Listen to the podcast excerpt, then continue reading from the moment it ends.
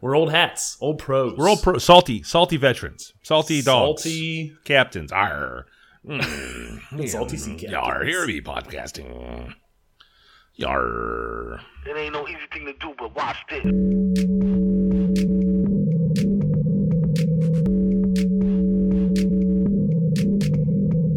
Hi, how are you? Can I can I help you with something? How you doing, man? This is the Safe as Milk podcast, where Ab and I get together twice a month to use bad words to talk about things we like.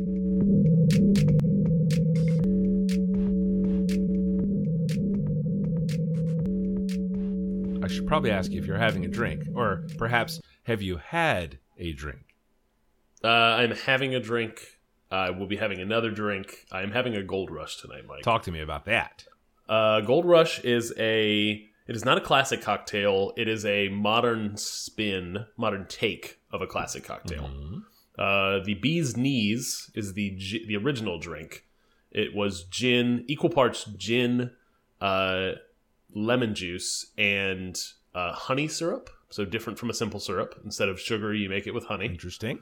uh, and it was a um, prohibition era uh, cocktail to mask the terrible flavor of a bathtub gin. Uh, that's why you did Oh. it in equal parts. All right. So it had a it had a very bad name uh, uh, when it was first created. Uh, it, it apparently tasted tasted poorly, but hit the, just enough to mask the bad flavor and get you drunk. Um, the that drink uh, had a revival or resurgence during the 40s, and in the uh, I believe late 90s, the Gold Rush was created, which is the bourbon variant of that. So bourbon, lemon, and honey syrup, uh, and it is very delicious and also very reminiscent of the uh, whiskey sour that I had on the show previously. Okay. Because the gin and the lemon juice is almost a Rickey, isn't it? Uh, yes. Uh, no. So the the bourbon Rickey is uh the bourbon Rickey is a lime, Okay. and it is sparkling, no no sugar Right. at all. Okay. No sugar added. Okay. Yep. I mean, at this point, I'm I'm kind of feel like I'm just Taco Bell in all these cocktails. Like it's the same four ingredients, Yeah. just in different variants, but they're all delicious. Bourbon's great. Yeah. Hell yeah. How about you- how about you? Um, I have uh, spent my summer dedicating myself to fun and new cocktails. Uh, capped off summer uh, last episode with the margarita, the one true margarita, as we affectionately refer to it. Um, so this week I've gone uh, back to a, a very uh, uh, fruitful vein in the cocktail, my particular cocktail, Journey the Negroni, uh, equal parts gin, Campari, and sweet vermouth uh, using the Junipero gin from the Anchor Distillery.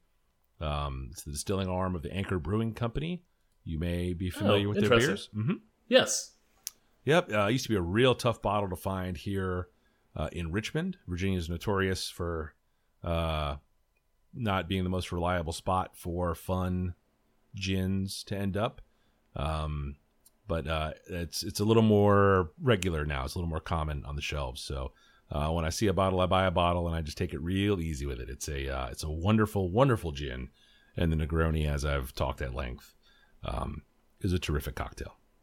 Nice. And this is, I think this is the first time in our new, like, version 2.0 uh, Safe as Milk where we are drinking cocktails now. Mm. But but it, you have had a Negroni in the past when you've been. Uh, Oh, off not- beer, yeah, not- yeah, yeah, off beer, Mike. Yeah. it's true. Nice. true. Uh, Mike, uh, before we get started, I should let folks know that we have a Twitter uh, that they could follow at at underscore safe as milk. Uh, we have an Instagram that is uh, slightly more active uh, at at safe as milk podcast. And finally, uh, show notes for this show and many more can be found at safeasmilk.fireside.fm. Michael, You did a good job there. That's why you do it. you. That's why you do it. that's why I do it. That's why we both do it. I You do a I do it too. sometimes. I do it sometimes. You know what? Yes, Tell me, tell me about your follow up. I have a couple of little items here. Uh, the movie Tag. This isn't technically follow up, um, but it's a little thing that I want to talk about because uh, I saw it and enjoyed it. It's a movie. It's about the grown man who've been playing the same game of tag for 30 years. You remember this when this came out last year? Oh, oh yeah. Did you see this movie? Uh, nope. Sure didn't. Don't watch any of these movies. Uh, does, it have, does it have Hawk, Hawkeye in it? Hawkeye. It does. Jeremy Renner. Yep. He of the Jeremy Renner app. Ugh, yeah, I don't understand. I don't. I don't understand either. I don't understand. Okay. Um, Someone on my Twitter apparently accidentally was trying to make a joke that they were gonna oh, spend hundred dollars. Yeah, and they did. Yeah, I saw that. and, and they Yeah. accidentally, yeah. yeah. The uh, funny thing though is this is another movie that I would never go out of my way to watch, but uh, is a funny movie with people that I enjoy watching. Uh, it's got that Ed Helms, who we enjoy, right, from The Hangover and Yeah. The Office. Um, Oh, yeah. Jake Johnson, who I love from The New Girl. Yep. Uh, also very good. Rashida Jones, who we all Very know and love from Parks and Rec. Isla Fisher from Wedding Crashers. Uh, Hannibal Buress, who you know and love from Broad City. Uh, Jon Hamm, who's so goddamn handsome. I mean, how do you not love him? Um, and then, as you mentioned, Hawkeye. Um, it's a it's a goofy premise that seems like a bit of a stretch to make into a movie. Uh, but these guys are they're they're all very funny people, and I like watching them work. And it's it's not a bad movie. It's not filmed by any stretch, but this is much like a game night or a girls trip where, you know, uh, you could do a lot worse with a mo- a couch movie on a on a Friday night that you guys just decide to stay in and have a couple of beers and maybe a pizza. Hmm. Is this uh, on a streaming service somewhere? Ah, I assume so. I feel like we saw it either on like a Hulu or a Netflix. But yeah, yeah, um, definitely not something that I would use a whole pick on since we only have two of them nowadays. Um, Sure. but uh, yeah, Tag is is funny. I was on another long drive over the long holiday weekend. Uh, loaded up a couple of audibles because I did the fucking dumb thing where I didn't cancel my recurring subscription, so I had a shitload of credits, like an asshole. Um, I also picked up a bit of a sniffle, which has turned into a little bit of a cough. You're very excited about that. Uh, As You Wish is the book that Cary Elwes wrote. It's about the Princess Bride. Cary Elwes was the Dread Pirate Roberts and Westley in The Princess Bride. You're familiar with this film?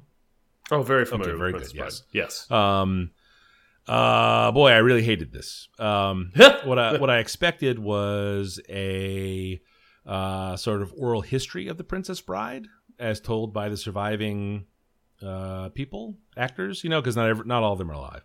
Um, what it was was Cary Elwes' memoir of the production, like his uh, getting the role through like a reunion several years afterwards. So some of some of my hatred of it is about my expectations, which were uh, not met in by in, by any degree.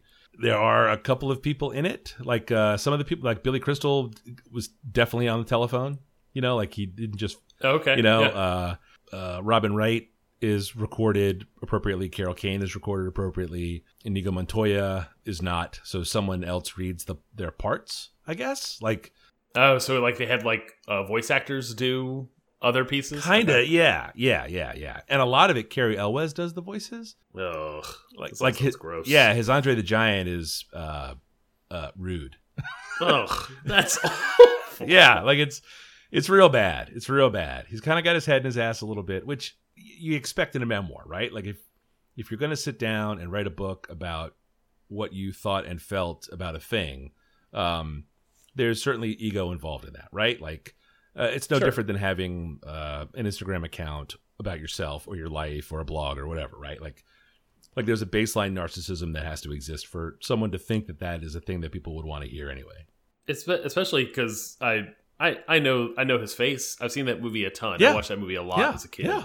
I was like, what else? What else was this guy in? So I'm just like, Well, he talks about digging that. around. Yeah, he was in. like Robin Robin Hood Men in Tights is like the next thing on his Wikipedia page. Yeah, which I loved that movie as a child, mostly because of Dave Chappelle.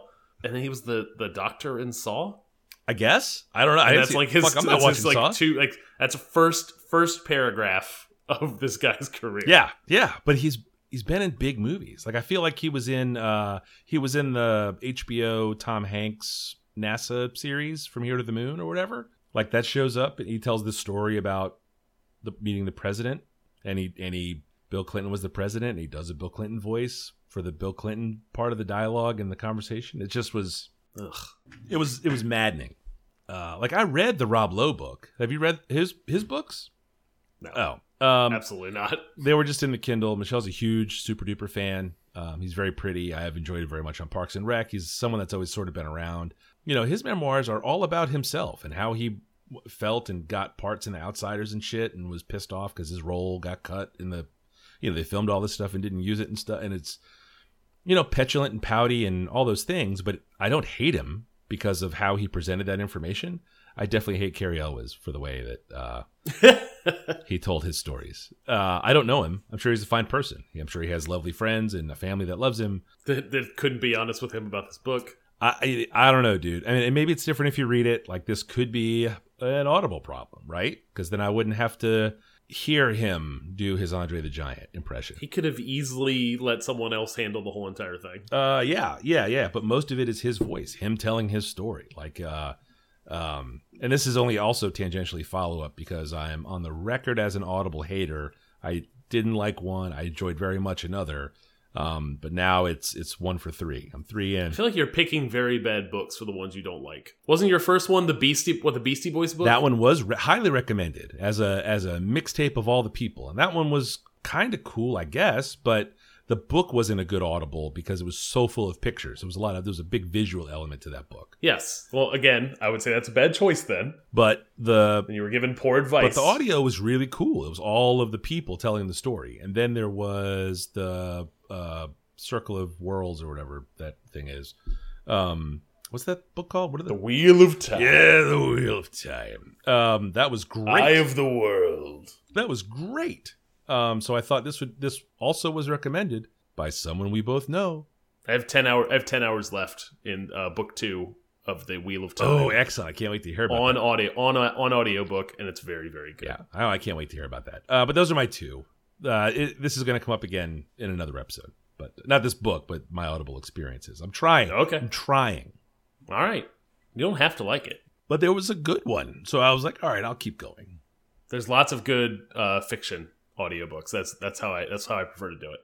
Uh, I'll jump in, Mike. Uh, my first follow up is for a video game that I talked about ages ago called Don't Starve. It's a kind of very cartoony survival game, 2D top down. I recently was looking for something new to play on my iPad and discovered that they're an expansion for the game called Don't Starve Shipwrecked, uh, which is all based on around islands and kind of pirate themed. Uh, is available on the iPad. And previously, I played on a mouse and keyboard. I did not know how this was going to work with a finger tapping all over the screen. It works fine. Works really well. Works really well with the Apple Pencil. Really enjoyed it. Next up is Revisionist History, the Malcolm Gladwell podcast. I have enjoyed every season of that so far. Season four just wrapped up. It was also equally great. I feel like every time a season comes out, I spend time recommending it to the people around me, mostly people at work. Are there people that listen to podcasts that haven't heard of it? Uh, yes, actually. Really? So still, or, or people that like, I'll come in and and somebody who I know really likes podcasts and hasn't had a chance to try that thing out. I came Yeah. in a couple days and it's like, oh, you have to listen to this two part, this two episode like two part thing on like higher education or like law school, the exams to get into law school and how they work and all that stuff. Like it's a really good story he tells, and sold somebody that was like episode one and two this season sold somebody at work who had not tried it yet and they went through and listened to all of season four like in a like a week and a half or something. Uh, i mentioned the higher education stuff that seems to be a thing he keeps returning to uh, he tells the story behind the Boston Tea Party that was really interesting, or the real story behind the Boston Tea Party, and also like takes a visit to like Taco Bell and mixes that with like like a rock a story about like rock music. Like it's just all over the place in terms of the stuff he goes over, and uh, I really enjoy the work that he does on there.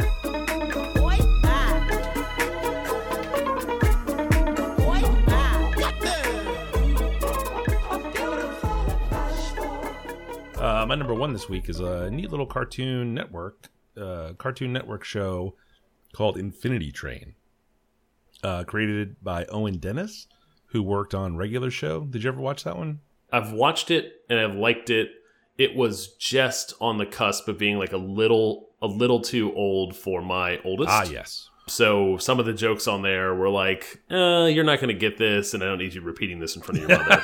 Very much um, so. so we didn't we didn't spend a ton of time watching that one, um, but I but I liked what I saw. It is much as the title would suggest, an infinite train, kind of in a snow piercery vibe, um, uh, but for kids, if that makes sense. Uh, basically, it's uh, there is a protagonist and there is a journey from uh, the back of the train to the front of the train to try to get home. Not sure why they're there, not sure what's happening.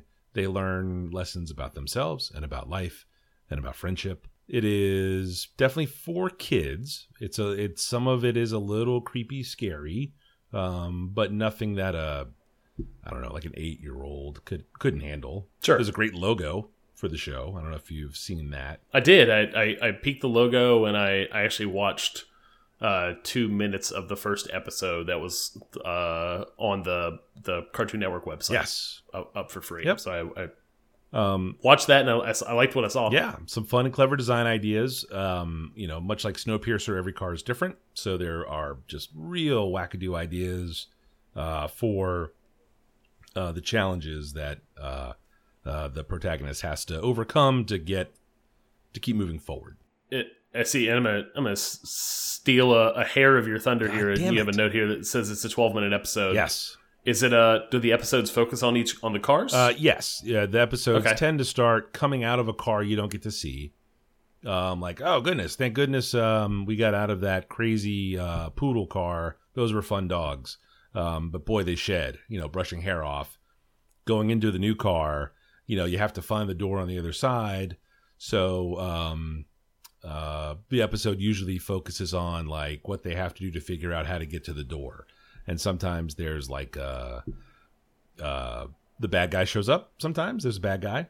Um, sometimes it's just a puzzle they have to figure out. Sometimes it's a place that's really nice that they don't want to leave necessarily. Um, you know, lots of lots of little clever ideas like that. Yeah, they are just 12 minutes apiece. I want to say there's only 10 of them, eight or 10 of them. Um, so it's a real quick little run. They were for me. They were on demand, um, maybe in Hulu. I forget where Cartoon Network is um, for me, but uh, yeah, uh, Infinity Train uh, is my number one.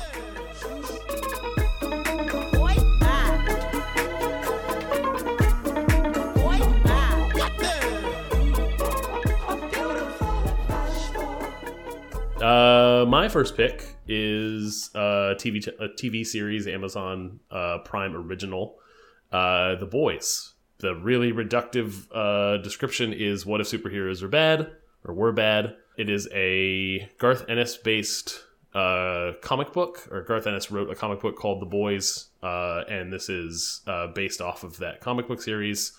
I know Garth Ennis best from Preacher, um, which early 20s me thought was like the most profound thing I had ever seen.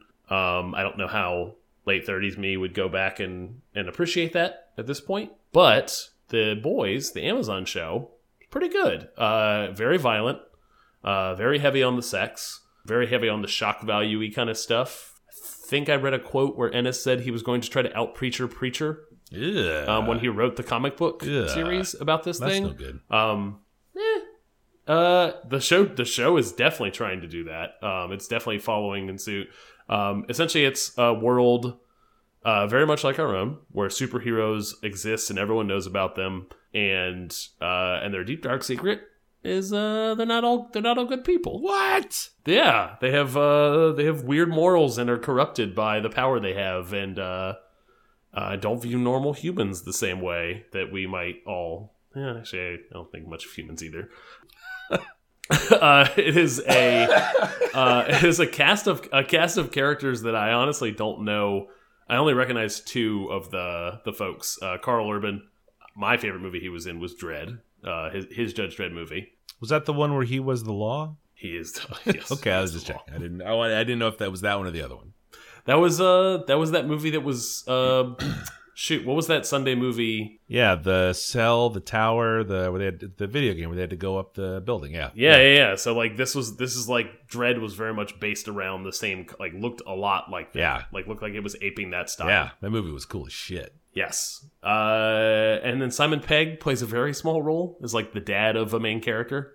And then this thing is made by uh, Seth Rogen and Evan Goldberg, who uh, have partnered up on a ton of different stuff. Like Seth Rogen's like Super Baddie, Knocked Up, Pineapple Express, This Is the End, and then some of his more moderny stuff like The Interview and like that weird movie about you know like grown up hot dogs or something. they also uh, I, I did not realize, but they also made the Preacher series, which I think was a um, AMC. Yeah, people like that show. Yeah, um, they made that together. Um, they have made this series. Um, I very much enjoyed this. It was eight eight episodes, hour long, like full hour long episodes, but never felt like they got long in the tooth. Um, I re I really look forward to to catching the next episode. I called all of this in like a week and a half. Watched the whole thing, um, and season two has been picked up, and looks like it uh, has enough of a, a tail or a thread that that I will be interested in watching that as well. Very, very good. So uh, my first pick is the boys.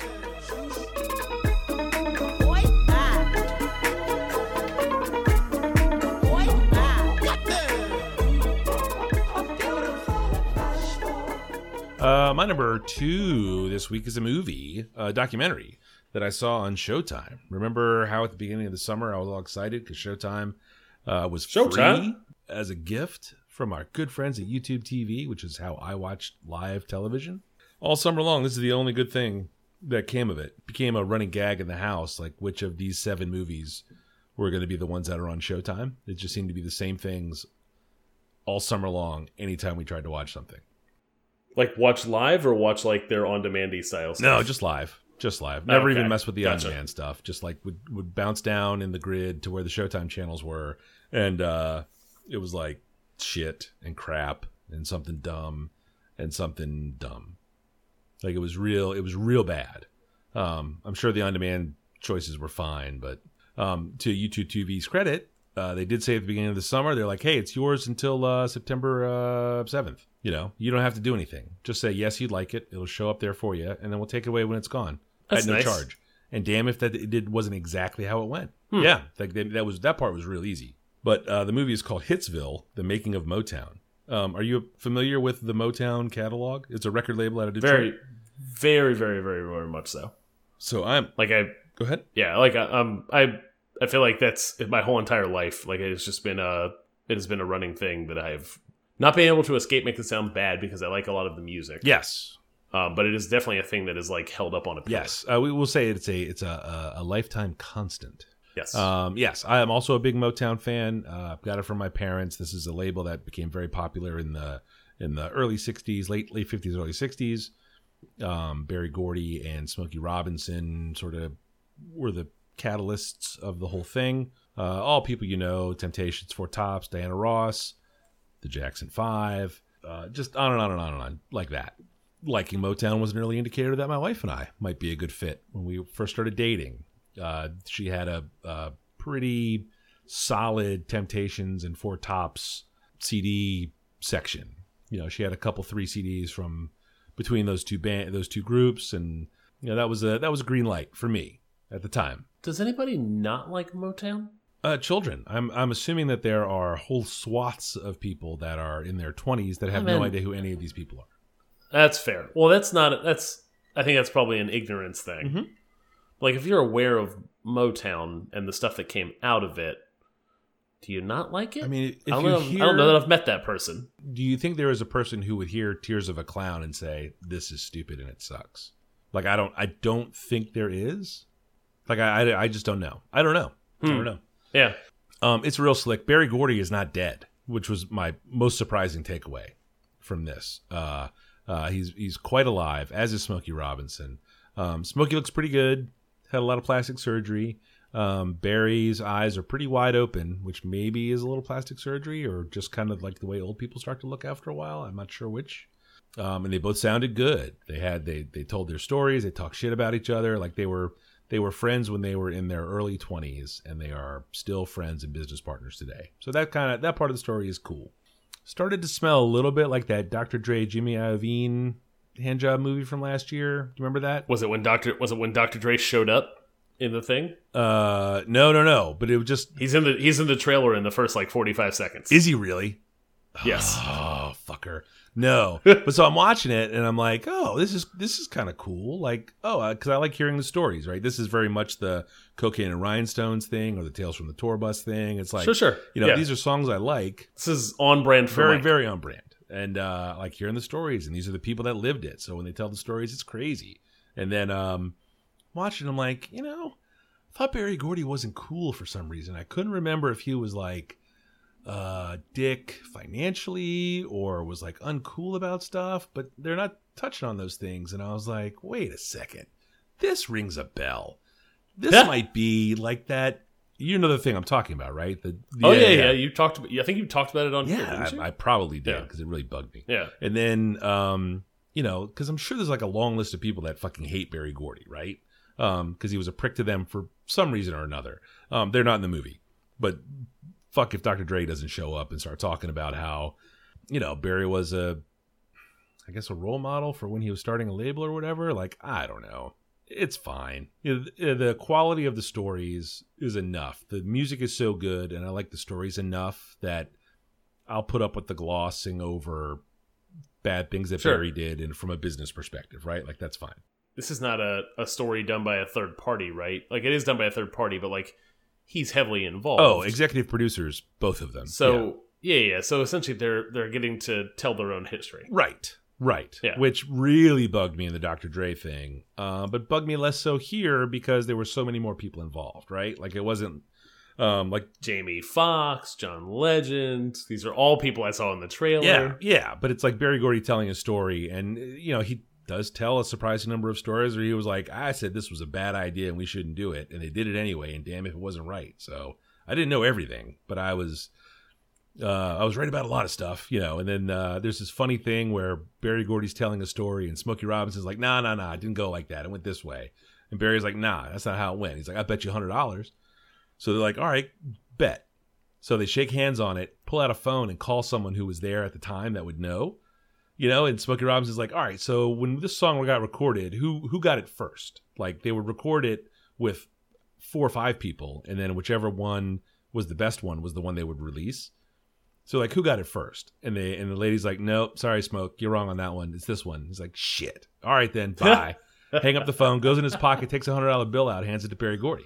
Like that's good. it's neat, right? Like there's some Yeah. cool stories about how like the secretary, you know, like they had a vocalist, they they had a need for a vocalist right now, and the, the secretary's like, I'll do it, and then that song was a huge hit, like shit like that, like that. I eat that up, right? You know, um, definitely recommend it if you're a big Motown fan, which you really should be. You know, if you enjoy pop music, um, uh, but Hitsville, the making of Motown, it's a Showtime exclusive. I think it's only been out for like two weeks, two or three weeks at this point um, as we record this on September 10th. Jesus Christ. Uh, but yeah, that's my number two.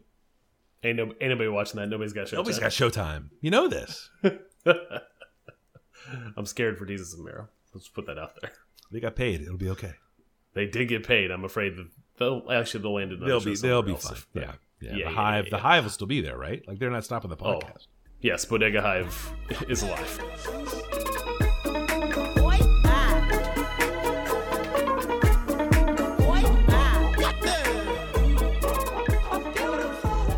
Uh, Mike, my last topic for the week uh, is an artist. Uh, Jeremy Fish is an artist that I I don't know that I paid enough attention to know artist names uh, back in the mid 2000s.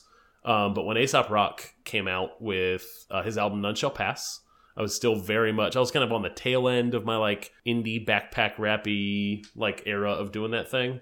And None Shall Pass, uh, Jeremy Fish did the art and also did a uh, an animated or created the art for the animated music video of the the self titled track. Uh, and I really liked it. I really liked the style.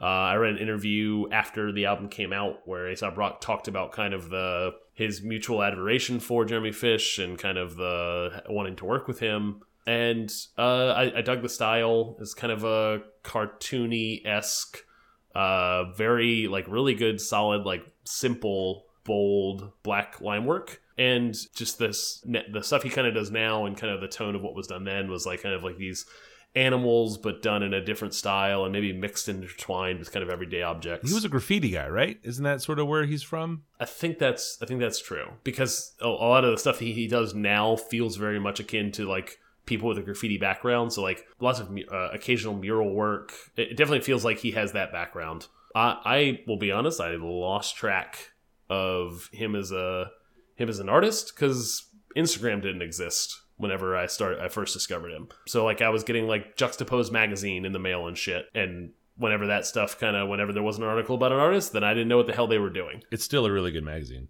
It is. I actually I actually dug up old uh, Jeremy Fish some old Jeremy Fish articles You did paper research? What the fuck? on the on the internet, Oh. Mike. I don't have any magazines in my house. Those are all in the fucking recycle. That's on me. That's on me. I'm sorry. to be honest with you, back then they're probably in a landfill somewhere. Yeah, they really are. Uh, but then I I picked up this Instagram habit of like deciding that I was just gonna follow artists that I like and like people that inspired me, and that tends to just be a ton of different artists. And rediscovered uh, Jeremy Fish. Um, he is still making really cool stuff. Um, he has a great Instagram follow. I have been trying to figure out how I could get a hold of a piece of his art, and I don't know that he does stuff like that. Uh, he may have, but good luck. I mean, he's a big deal. Yeah, I don't. Yeah, he's a big deal, but like he's not like he doesn't do like doesn't seem to have like a lot of merch stuff. He does even like something I might like. Oh, I'll get a cool T-shirt from him or something. He does shows. He does big mural pieces. He gets invited to like most recently he got like invited to like a museum, buy a museum in China to China to like paint a skate park. It was like a really cool like like dragon themed kind of like in his style.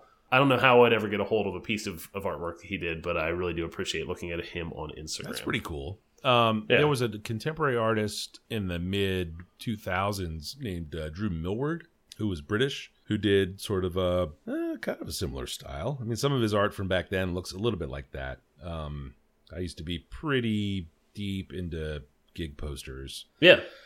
yeah, yeah. Um, uh, don't tell Michelle. And then um, there's Yeah, uh, she doesn't know. There's a contemporary guy uh, named Mcbess who uh, Yes. also kind of reminds me a little bit of uh, of that Jeremy Fish style. You know, like uh, real, real clean lines.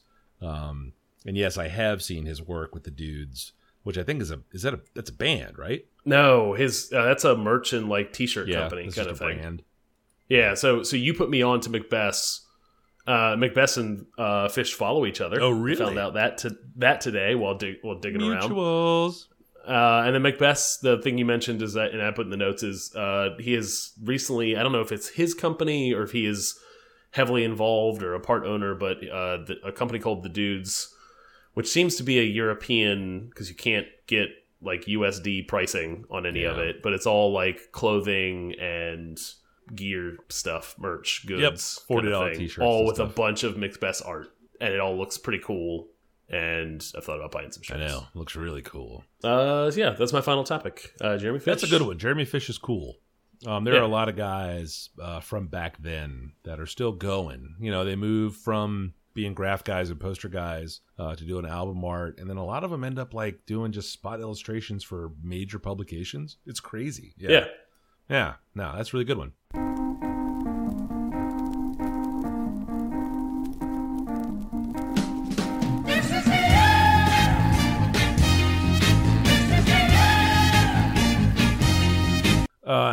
Uh, on the off Yo. chance someone wanted to read what you think or see photographs you take on the internet, where would they look? Uh, I am 180 lunches on Instagram and 180lunches.com. How about yourself? I'm Mike? Falfa everywhere. That is F A L F A on the gram, the dot com, and the tweets.